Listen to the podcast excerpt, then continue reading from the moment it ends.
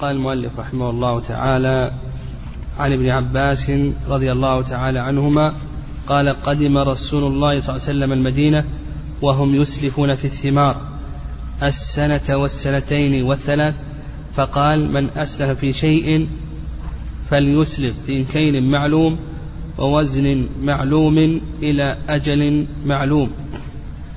نعم حيث ابن عباس رضي الله تعالى عنهما هذا في السلم والسلم نوع من أنواع البيع.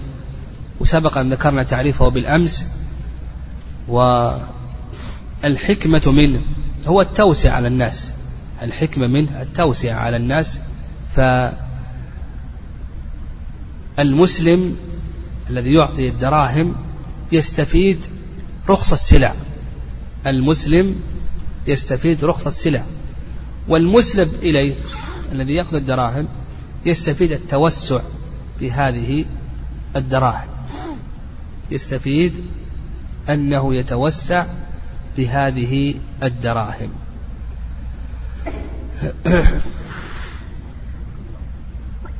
قال من أسلف في شيء فليسلف. هذا الشرط الأول. هذا الشرط الأول من شروط السلم. تقديم رأس مال السلم في المجلس.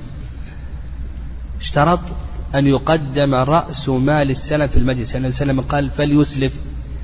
وهكذا استدل الشافعي رحمه الله تعالى. وعلى هذا إذا تفرق قبل تسليم رأس مال السلم في المجلس فإن العقد يبطل. قل بأن العقد يبطل. قال في كيل معلوم ووزن معلوم هذا الشرط الثاني. الشرط الثاني. أن يكون المسلم فيه مما يضبط. نعم أن يكون المسلم فيه مما يضبط بالوصف.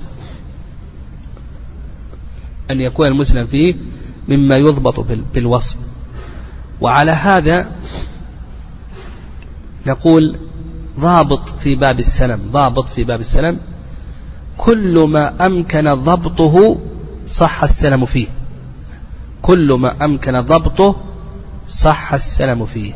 وهذا يدخل فيه أشياء كثيرة. يدخل فيه أشياء كثيرة. مثل الآن الصناعات. العلماء في الزمن السابق يمنعون من السلم في بعض الأشياء لأنها تصنع باليد. أما الآن فالأشياء تصنع بأي شيء؟ بالآلات فتأتيك الصناعات كأنها شيء واحد. وعلى هذا سائر المصنوعات الآن يصح السلام فيها. الثياب والآلات الكهربائية والكتب والأطعمة وإلى آخره. المهم القاعدة في ذلك كل ما أمكن ضبطه فإن السلام يصح فيه.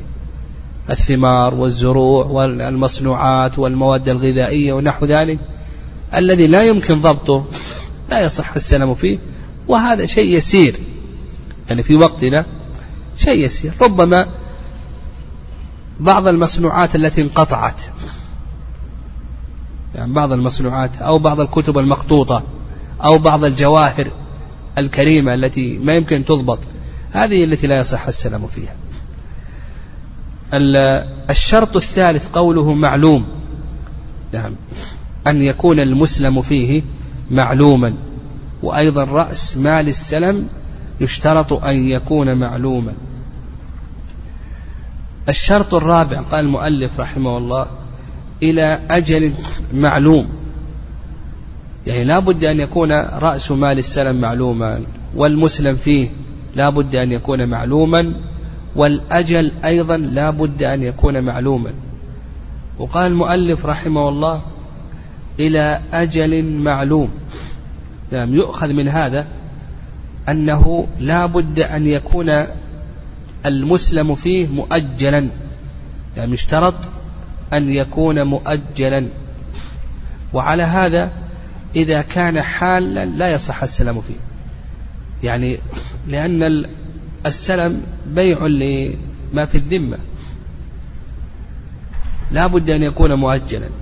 لو كان حالا قال أسلفتك ألف ريال تعطين من هذا تعطين من بر صفة كذا وكذا الآن. أو تعطين كتب صفة كذا وكذا الآن. هل يصح أو لا يصح؟ أكثر العلماء أنه لا يصح. وعند الشافعي رحمه الله أنه يصح. واختار شيخ الإسلام تيمية رحمه الله أنه يصح بشرط أن لا يكون معدوما. فالعلماء في السلم في الحال لهم ثلاث آراء. الرأي الأول أنه لا يصح لأن السلم بيع لما في الذمة المؤجل. والرأي الثاني رأي الشافعي أنه يصح. والرأي الثالث ماذا؟ اختيار شيخ الإسلام أنه يصح بشرط ألا يكون معدوما. طيب. الشرط الخامس نعم الشرط الخامس أن يسلف في الذمة. يعني ما يكون السلف لأمر معين لأن المعين أنت اعقد عليه عقد بيع لا تعقد عليه عقد سلم. يعني ما يصح أن تقول مثلا أسلفتك ألف ريال تعطين من هذه الآلات أو تعطين من هذا البر. تعينه لكن تقول تعطين برا صفة كذا وكذا. حتى لو ذكرت البلد من البلد الفلاني تذكر الجنس تذكر النوع تذكر البلد تذكر المزرعة أيضا موضع خلاف والصواب أنه صحيح. المهم أن أنه يشترط أن يكون ماذا؟ ها؟ في الذمة.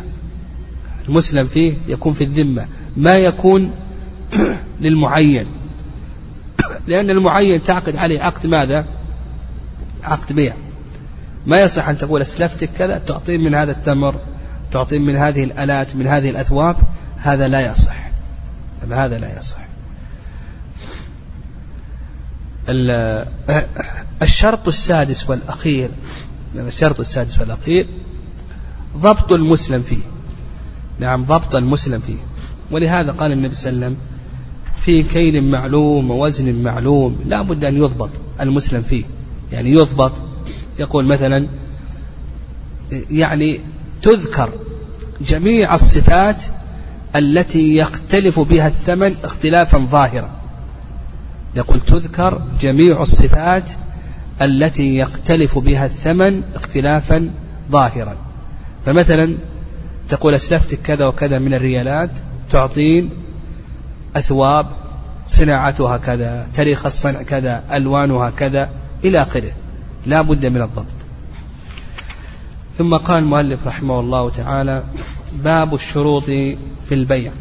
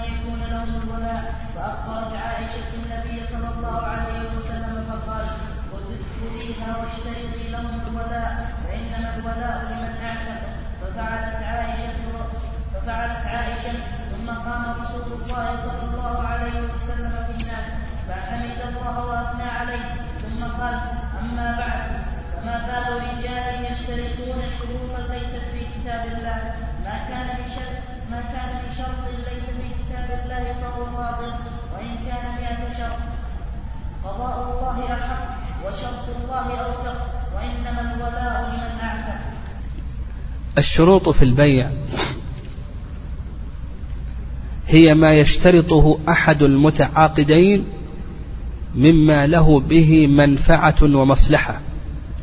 نقول الشروط في البيع هي ما يشترطه أحد المتعاقدين مما له به منفعة ومصلحة. والأصل في الشروط في البيع الصحة. الأصل في ذلك الصحة. لقول الله عز وجل يا أيها الذين آمنوا أوفوا بالعقود والأمر بإيفاء العقد يتضمن إيفاء أصله ووصفه ومن وصفه الشرط فيه. الأمر بإيفاء العقد يتضمن إيفاء أصله ووصفه ومن وصفه الشرط فيه. ولحديث عقبة في الصحيحين أن النبي صلى الله عليه وسلم قال إن أحق الشروط أن توفوا به ما استحللتم به الفروج. إن أحق الشروط أن توفوا به ما استحللتم به الفروج. فدل ذلك على أن نعم دل ذلك على أن الشروط في العقود يجب أن يوفى بها لكن أحقها بالتوفية الشروط في عقد النكاح. نعم أحقها بالتوفية الشروط في عقد النكاح.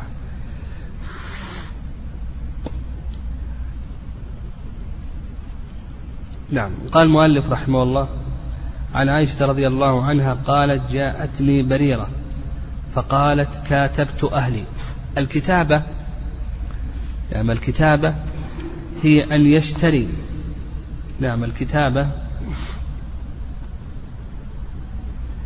هي أن يشتري الرقيق نفسه من سيده. نعم. هي أن يشتري الرقيق نفسه من سيده.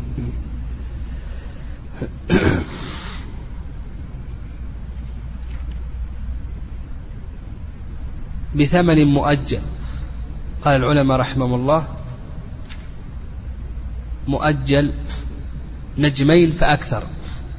أن يشتري نفسه من سيده بثمن مؤجل نجمين فأكثر. يعني يشتري نفسه بعشرة آلاف ريال كل شهر يعطيه ألف ريال. هذه الكتابة. على تسع أواق. الأوقية تساوي أربعين درهما. الأوقية تساوي أربعين درهما الدرهم من الفضة. أواقي.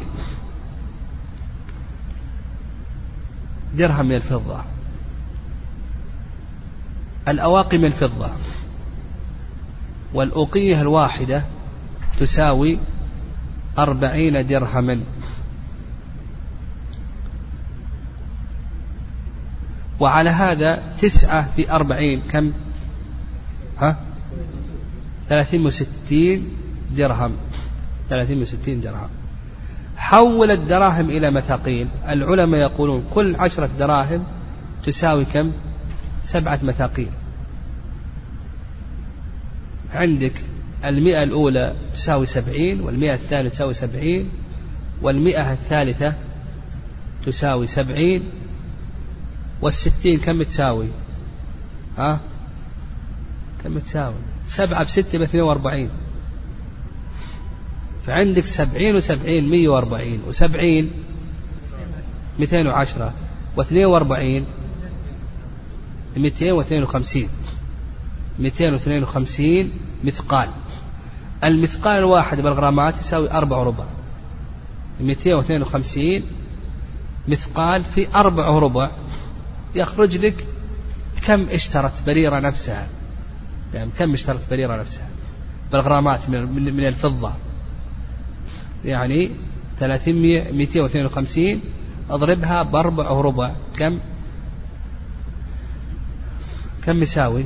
252 بأربع وربع كم يساوي؟ ها؟ ألف وكم؟ ألف وعشرة. اليوم الغرام بنصف ريال. يعني تقريبا اشترت نفسها ب 500 ريال. يعني بالريالات اليوم تقريبا اشترت نفسها بريرة رضي الله تعالى عنها بما يقرب من 500 ريال. 500 ريال سعودي تقريبا. في كل عام أوقية فأعينيني. فقالت إن أحب أهلك يعني أسيادك الذين اشتريت نفسك منهم أن أعدها لهم. يعني أعطيهم هذه الأواقي وولاؤك لي. فعلت إلى آخره. إن شاء الله نكمل إن شاء الله غدا بإذن الله. هذا يسأل يقول على خمر نساء مدارة تحت حلوقهن هل يشترط أن تكون مدارة تحت الحلوق؟ نقول نعم. المؤلف رحمه الله ذكر هذا لا يشترط. أيضا هذا يقول ما حكم الخروج بعد الأذان؟ نعم الخروج بعد الأذان هذا لا يجوز إلا إذا كان إنسان سيصلي في جماعة ثانية. وهذا يعني العلماء رحمه الله قالوا إذا كان لعذر أو كان سيصلي في مسجد آخر جماعة ثانية فهذا جائز. يقول هل النوم ناقض الوضوء؟ هذا بالأمس يسأل وتقدم الكلام عليه. لا يقول هل النوم الناقض الوضوء في النهار يجب معه غسل يديه ثلاثا؟ لا. النوم الذي يجب معه غسل يديه ثلاثا هو نوم الليل. لأن النبي صلى الله عليه وسلم قال فإنه لا يدري أين باتت يده. فعبر بالبيتوتة. والبيتوتة هذه العلماء رحمه الله يقولون بأنها لنوم الليل.